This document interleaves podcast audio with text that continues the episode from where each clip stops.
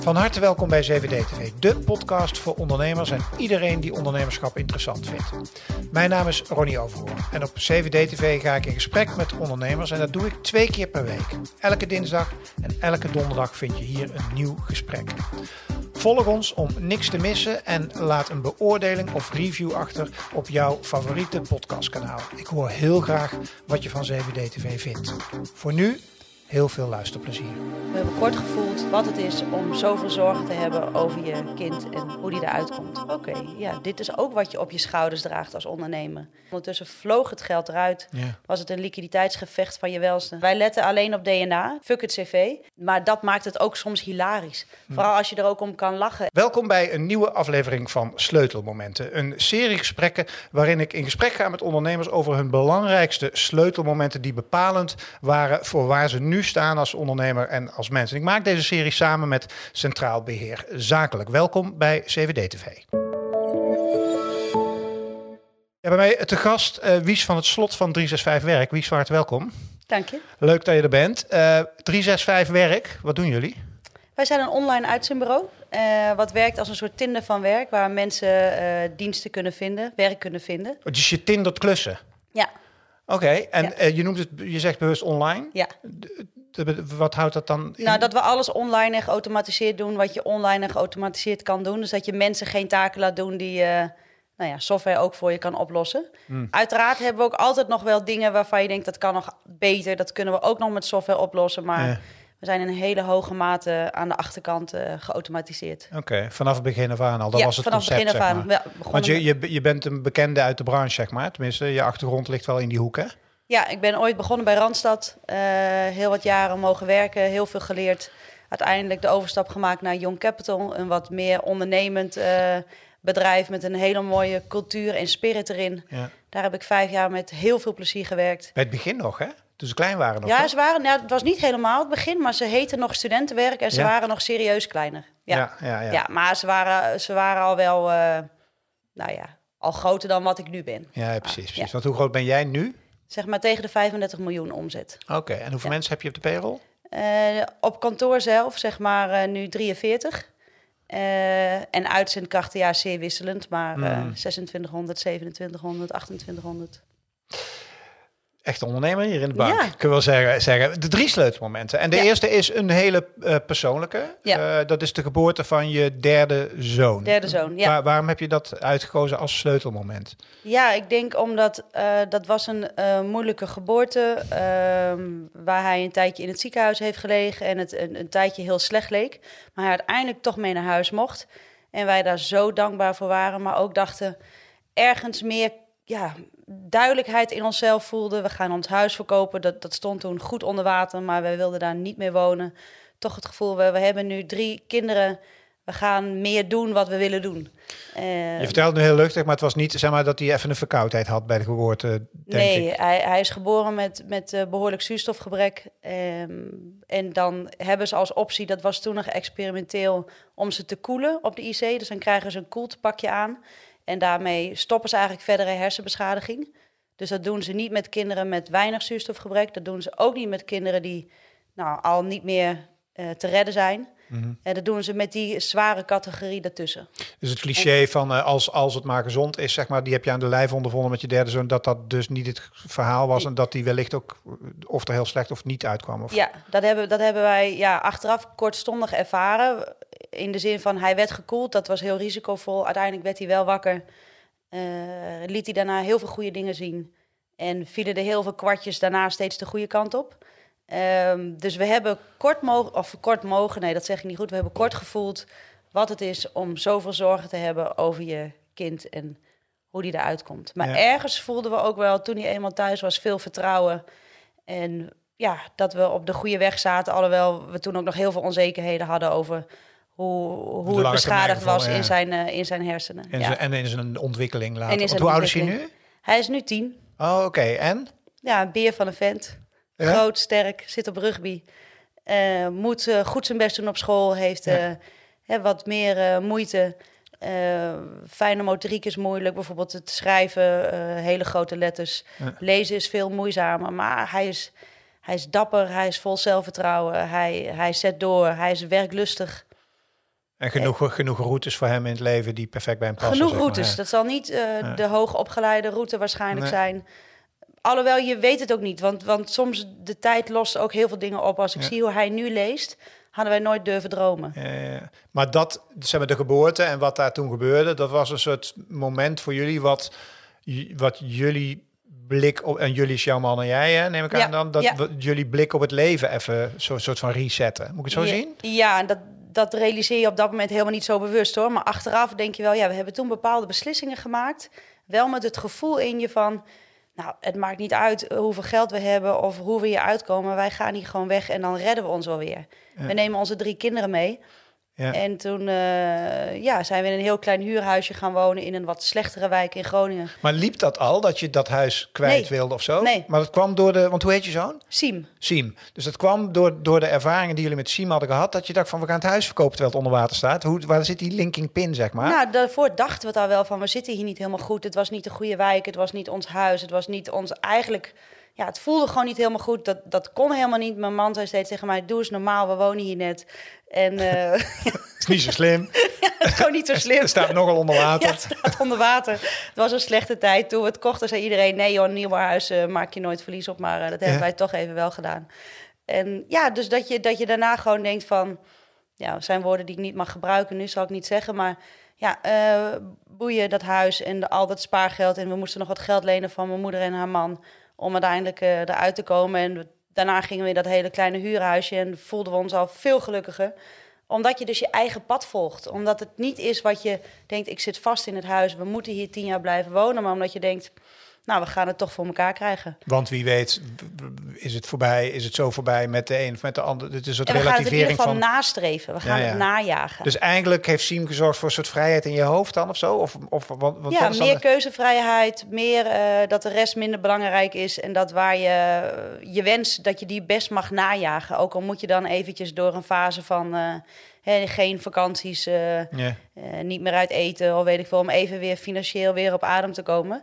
Eh, mijn man is toen ook al gaan ZZP'en na zijn geboorte, om ook meer thuis te zijn en meer, meer vrijheid te creëren. Mm. Eh, beter was dat hij niet naar de crash ging, dat hij gewoon helemaal eh, thuis was, zoveel mogelijk slapen.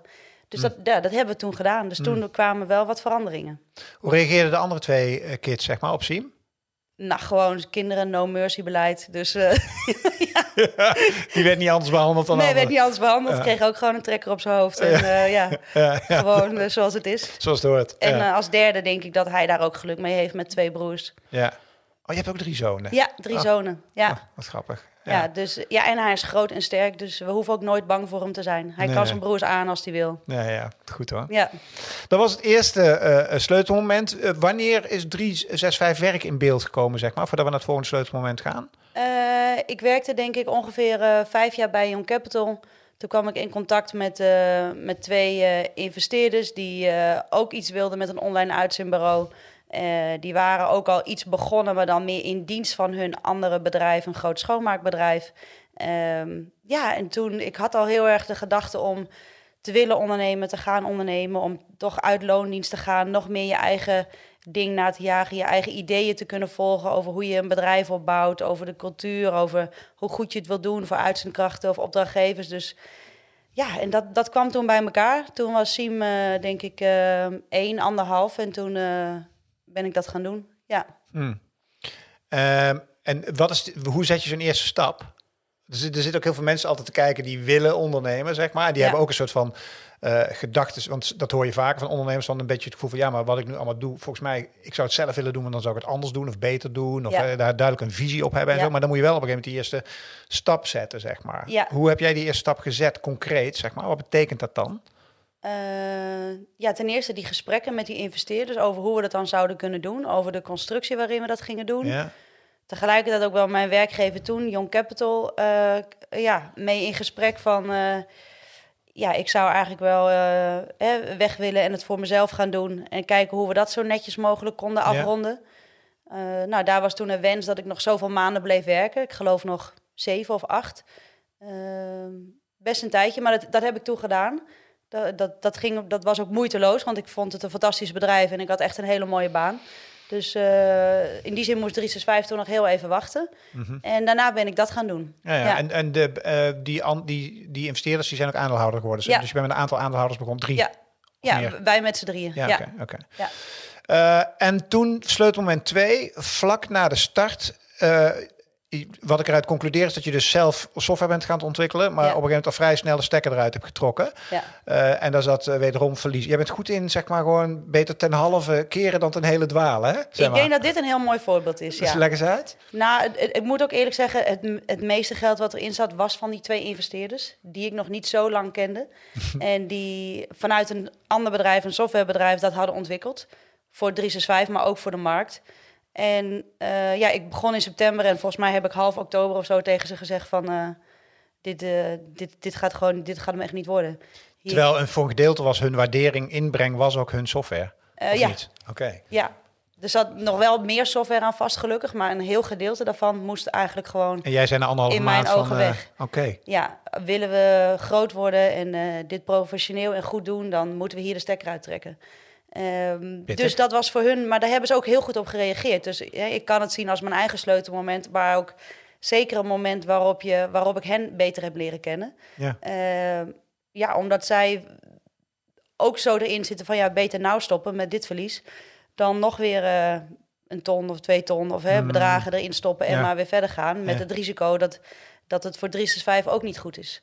Maar wat betekent het voor jullie samenwerking in de zin van jullie rollen als aan? Want ik kan me voorstellen dat je een soort verdeling had van aandeelhouders, bla bla, die ook ge- gedeeltelijk gebaseerd was op hun inbreng. Ja. Lees hun software inbreng. Ja. Was dat ook een moment dat je daarover moest gaan praten? Nee, dat niet. Nee, dat niet. Een gedeelte van die software bleef ook staan, die bleven we gebruiken. Ja, dit was meer, ja, sorry, je wins om je loons. Om, hè, dit, dit, dit moest eruit, maar dat was niet meteen voor mij het moment om te praten over, eh, over de aandelen. Eh, wel, eh, ja, dat zij meebewogen om die stekker eruit te trekken, om over te gaan naar een ander softwarepakket.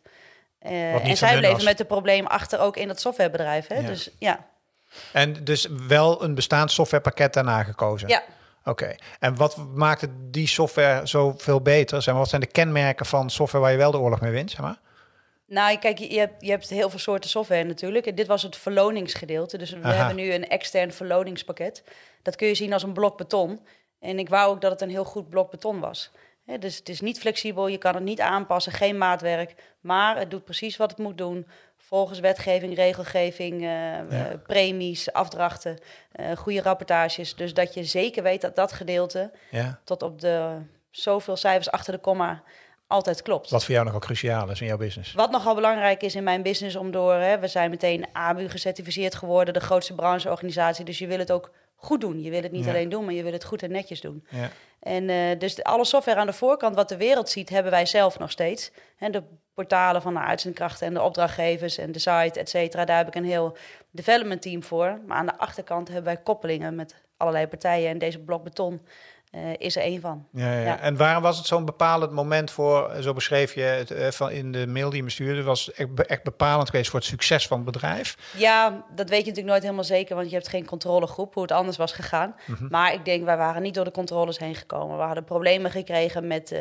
met eh, pensioenfondsen of met de Belastingdienst of met, hè, met eh, instanties, omdat het gewoon moeilijk was om precies de goede afdrachten eruit te krijgen achter de komma. Dat was niet bewust niet goed, maar ja, een verloningspakket maken is gewoon niet niks. Mhm. Eh, alleen al voor het bijbenen van veranderingen in wetgeving heb je misschien eh 30, 40 programmeurs nodig. Dus het was te ambitieus, het was te opportunistisch. Ja, ja, ja. Dus hoe het echt was gegaan, anders weet je niet. Maar ik, ik slaap heel goed bij het idee dat wij in dat blok beton zitten qua verlonen. Ja. Het heeft mij en ons geleerd dat ja, eigen software is prachtig. En daar geloven we ook heel erg in. Mhm. Alles wat de wereld ziet is van onszelf. En wat de wereld ziet heeft waarde voor de buitenwereld. Ja. Daarachter boeit het niemand. Nee. Hoeveel koppelingen je hebt, wat allemaal... Dus dit, dit, nog nooit heeft iemand mij gevraagd... welk pakket gebruiken jullie om te verlonen? Nee. Dus het heeft geen waarde voor de buitenwereld om ook En dat dus zelf te maken. business, ja. Nee, dus Ja. de programmeurs zetten we in op taken die wel waarde Want hebben. hoeveel programmeurs heb je nu? Eh, nu negen. Oh, dat is best een team. Ja, dat is best een team. Dat Wat- is in verhouding veel voor de grootte van het bedrijf. Ja, Ja, dus een groot innovatieteam. Ja, oké. Omdat er zo'n focus ligt op tech. Omdat er zo focus ligt op tech. Ja, omdat, omdat ik daar heel erg in geloof, wij daar heel erg in geloven. Beschrijf eens wat ik dan als... Want, want op wie richt jij je qua werk, zeg maar, qua mensen die werk willen? Wat voor mensen zijn dat? Ja, dat is toch wel heel divers. Mensen denken dat zijn alleen jongeren en studenten. Dat is toch niet helemaal zo. Hm. Want in de schoonmaak werken ook veel oudere mensen. In de produ productielogistiek werken veel oudere mensen. En die bereiken wij ook op de manieren hoe wij werken. Hm. En die vinden de software die wij hebben ook fijn. dat het heel gebruiksvriendelijk, transparant is, snel. En dus, ik, dus het zijn niet alleen jongeren. Nee, precies. Maar ik maak. En, en wat is het verschil met als ik bij een Young Capital of Randstad mezelf aanmeld? Wat is dan met name experience-wise het grote verschil als ik bij jullie kom? Dat kan zijn de snelheid, de gebruiksvriendelijkheid van het proces, hoe weinig stappen je hoeft te doorlopen. Dus met een mooi woord, de customer journey, die we constant aan het verbeteren zijn. En via NPS-metingen, tevredenheidsmetingen uitvragen van hoe vond je dit punt, dat punt, dat punt, dat punt. Dus extreem kritisch zijn op ja, wat wij verwachten, wat de opdrachtgever en de uitzendkracht nog moet doen en wat we daar allemaal aan ballast uit kunnen halen. Mhm. Dus vriendelijk en snel. Ehm, heel transparant over uh, kostprijzen, over scholingspotten, over wat mensen hebben opgebouwd. Dus geprobeerd om de beetje soms black box van uitzenden wat uh, te openen. Ja. Um, en dan uiteindelijk, als ze wel dienstverlening nodig hebben, dus appen, chatten, mailen, bellen, staan we er onbekend dat het heel snel is en heel uh, ja, vriendelijk. dus we hebben een hele hoge NPS-meting voor deze branche. Hmm. Dus eigenlijk zeg je daarmee, alles wat een mens niet hoeft te doen, los je op door software. En wat een mens wel moet doen, probeer je ook echt goed te doen. Ja, precies. Um, dat, dat, dat bereik je ook omdat mensen aan de telefoon gewoon een hele hoge beslissingsbevoegdheid hebben. Ja. Dus die kunnen gewoon beslissen wat zij denken. Wat, die hoeft niet doorverbonden te worden, die hoeft niet te wachten. Er is geen tweede lijn. Helder. Dat is eigenlijk vrij simpel, maar wel ja, vrij plat. Doeltreffend, heel plat. Precies, ja. Ja, en dan toch sleutelmoment drie. We hebben het onderhand wel mee gehad, denk ik. Hè? Want we leven nu 2022. Maar ja. toch, uh, we hadden een paar jaar geleden hadden we een of ander virusje wat even voorbij kwam. Ja, dat, is er nog steeds. Dat is er, ja, dat is er nog steeds. In wat voor hoedanigheid moeten we nog even afwachten. Maar uh, fingers crossed. Ja. Uh, dat was een redelijk traumatisch verhaal voor jou, toch? Of tenminste, traumatisch klinkt misschien heel zwaar. Maar het, je, hebt, je hebt hem als sleutelmoment genoemd. Ja, traumatisch niet, maar wel... Ehm, ja, misschien dat je ook. Ik had nog niet echt zware periodes meegemaakt met 365. Het ging best heel goed. Het ging snel, beter. We werden groter, kon mensen aannemen. Hè, er kwamen successen. Dit was wel het, de, de eerste fase waarop ik echt dacht: oké, ja, dit is ook wat je op je schouders draagt als ondernemer. Hè, 75% van de omzet viel weg. Je eigen mensen moeten doorbetaald worden. Heel veel uitzendkrachten moesten doorbetaald worden zonder werk. Hoe ga je daarmee om? Hoe ga je om met je opdrachtgevers? Hoeveel moest je doorbetalen zonder werk? Je noemde in het begin een heel groot aantal. Ik denk dat ja, we verloren 70, 75 procent van onze omzet. Toen waren we wel alweer echt serieus kleiner dan nu. Hè? Ongeveer de helft van wat we nu zijn voor de eerste lockdown. Ik denk dat we toen zo'n 800 mensen in de horeca aan het werk hadden. Ja, 800, 900 mensen. Dus je bloedde leeg, zeg maar. De liquiditeit ging keihard van ons af. Je was natuurlijk een korte fase waarin je niet wist wat de NOW was en wat hij ging doen. Nee. En die fase was een soort Twilight Zone waarvan je denkt, gaan we failliet? Of wat gaat de overheid iets doen? Niemand had natuurlijk ooit kunnen bedenken om gewoon een hele branche dicht te gooien. Dan weet je wel, je woont in Nederland, dus het is geen... Ja, ze zullen niet uh, een hele branche failliet laten gaan, plus alle omliggende uh, betrokken partijen. Mm. Dus er zal wel iets komen, maar je wist niet wat. En ondertussen vloog het geld eruit. Was het een liquiditeitsgevecht van je welste. Ja. Ja. ja, maar daar kun je van failliet gaan, zeg maar. Daar kan je van. Ja, hoe gezond je businessmodel ook is eigenlijk. Nou, daar, daar, Zijn er momenten geweest dat dat uh, bespreekbaar, dat dat besproken moest worden, zeg maar? Nee. Nooit, nooit het gevoel nee, dat de NOW kwam natuurlijk heel snel door. Ja. Uh, knap van onze overheid. Het was een grote halen snel thuisregeling, maar ja, hij kwam wel. Uh, toen we dat eenmaal wisten, konden we calculeren, dit gaan we heel lang volhouden. Oké. dus... En dan maken we nog uh, geen winst en dan wat we aan de andere kant nog verdienen, gooien we allemaal in het tekort wat de, wat de horeca gaat uh, brengen. Maar gaan we heel lang volhouden. En ik had ook wel het vertrouwen, dit gaan we langer volhouden dan een heel aantal concurrenten misschien. Dus we gaan een lange adem hebben. Mm. Uh, dus je voelde wel paniek om je heen bij andere partijen. En in die zin voelde ik geen paniek. En dacht ik ook, nee, nou als we nu kalm blijven en uh, de goede dingen doen, dan, dan, dan ga je hier ook weer heel veel mee winnen. Wat heb je ervan geleerd uit van dat sleutelmoment? Ehm, ja, hoe belangrijk het team is om je heen, dat is natuurlijk ook een cliché. Dat, mm. dat, dat weet je wel. Voor mij, de mensen die op kantoor werken, zijn ook het allerbelangrijkste. Voor de rest zeg ik altijd, hebben we echt niks. Ja, we hebben computers en ja, hè, een beetje op afschrijven, verder niks.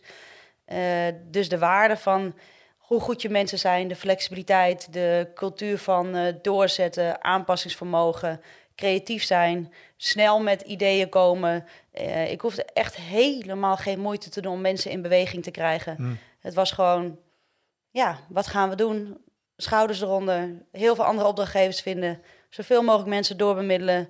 Uh, dienstverlenend blijven. Dus uh, iedereen die stress heeft, zorgen heeft, geldproblemen, proberen te woord te staan, kijken wat we wel voor ze kunnen betekenen. Actiemodus dus. Ja, wel nadenken en een richting kiezen, maar daarna ook heel sterk actiemodus. Maar toch heb je dan blijkbaar een basis gelegd in, een, in je team die zorgt dat je zo'n oorlog wint, zeg Ja. maar. Wat is die hoe, hoe heb je die basis gelegd, denk je? Misschien Ja. moeilijk om aan bescheiden Nederlanders te vragen altijd, maar blijkbaar heb je iets goeds gedaan.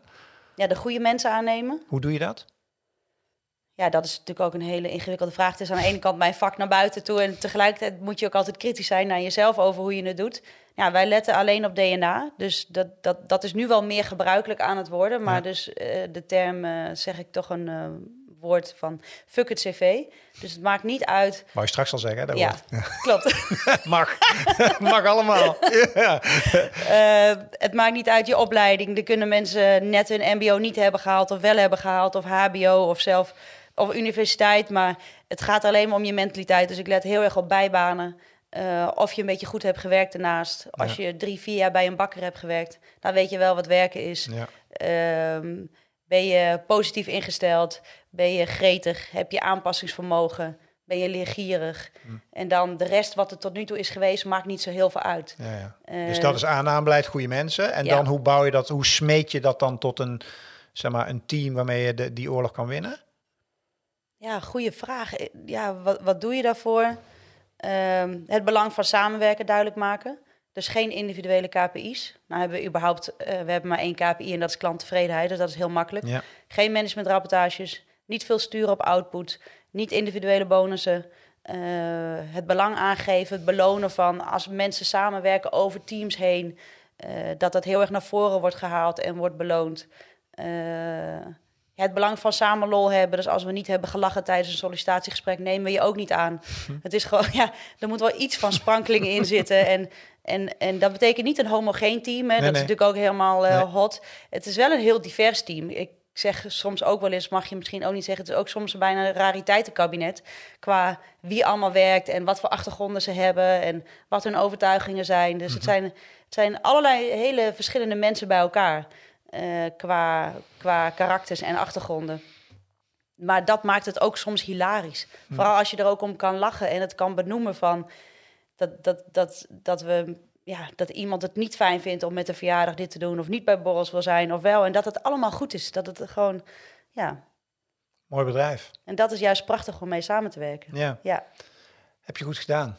ja. Waar staat het bedrijf over een jaartje vijf? Ehm, dan denk ik dat wij, we zijn nu net in Amsterdam begonnen, dat we ook in Eindhoven en Zwolle zitten. Dat we dus vier dependances in het land hebben vanuit waar we eigenlijk Nederland kunnen bedienen. Daar zitten dan vooral eh, sales, account management en misschien eh, recruitment. Eh, en de rest doen we allemaal vanuit Groningen, vanuit het hoofdkantoor dan. Ja, dan... En die groei ga je helemaal zelf, dat kun je helemaal zelf aan, denk je? Dat denk ik nu nog wel. Misschien komt er natuurlijk een moment waarop je bij jezelf voelt of eerlijk naar jezelf moet zijn. Ben ik nog wel degene die dit moet doen? Eh, ik hoop dat ik dan eh, ja, die, eh, die zelfkritische blik heb om dat op tijd te signaleren. Ja. Of dat ik de goede mensen om me heen heb verzameld die dat tegen mij Ja. zullen zeggen.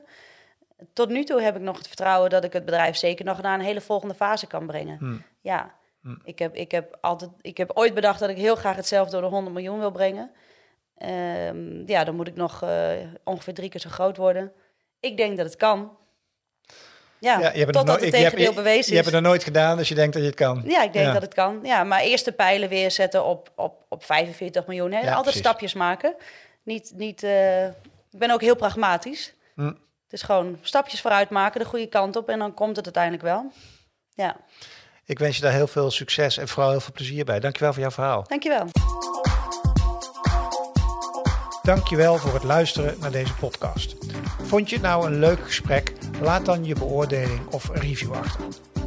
En weet dat CVD-TV heel graag samenwerkt met ondernemers en bedrijven om mooie gesprekken te maken over ondernemerschap in de volle breedte.